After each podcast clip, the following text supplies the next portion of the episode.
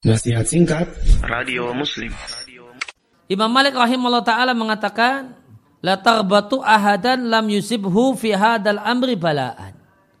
Janganlah kalian merasa iri dengan seseorang yang tidak mendapatkan dalam perkara ini yaitu dakwah balaan cobaan.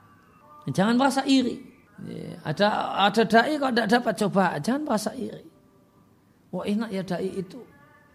Kenapa? Karena dai kok tidak dapat cobaan, padahal dai itu menghalangi orang dari sahwatnya, maka berarti dakwahnya bermasalah. Ya. Meskipun ini bukan berarti dai ini harus cari-cari masalah, bukan. Ya. Tapi berdakwah itu pasti dapat masalah, itu satu hal. Ya, namun bukan berarti dai itu cari-cari masalah. Oh saya kok nggak ada hambatan ya? Saya tak bikin gara-gara lah biar ada hambatan. Jika tidak demikian.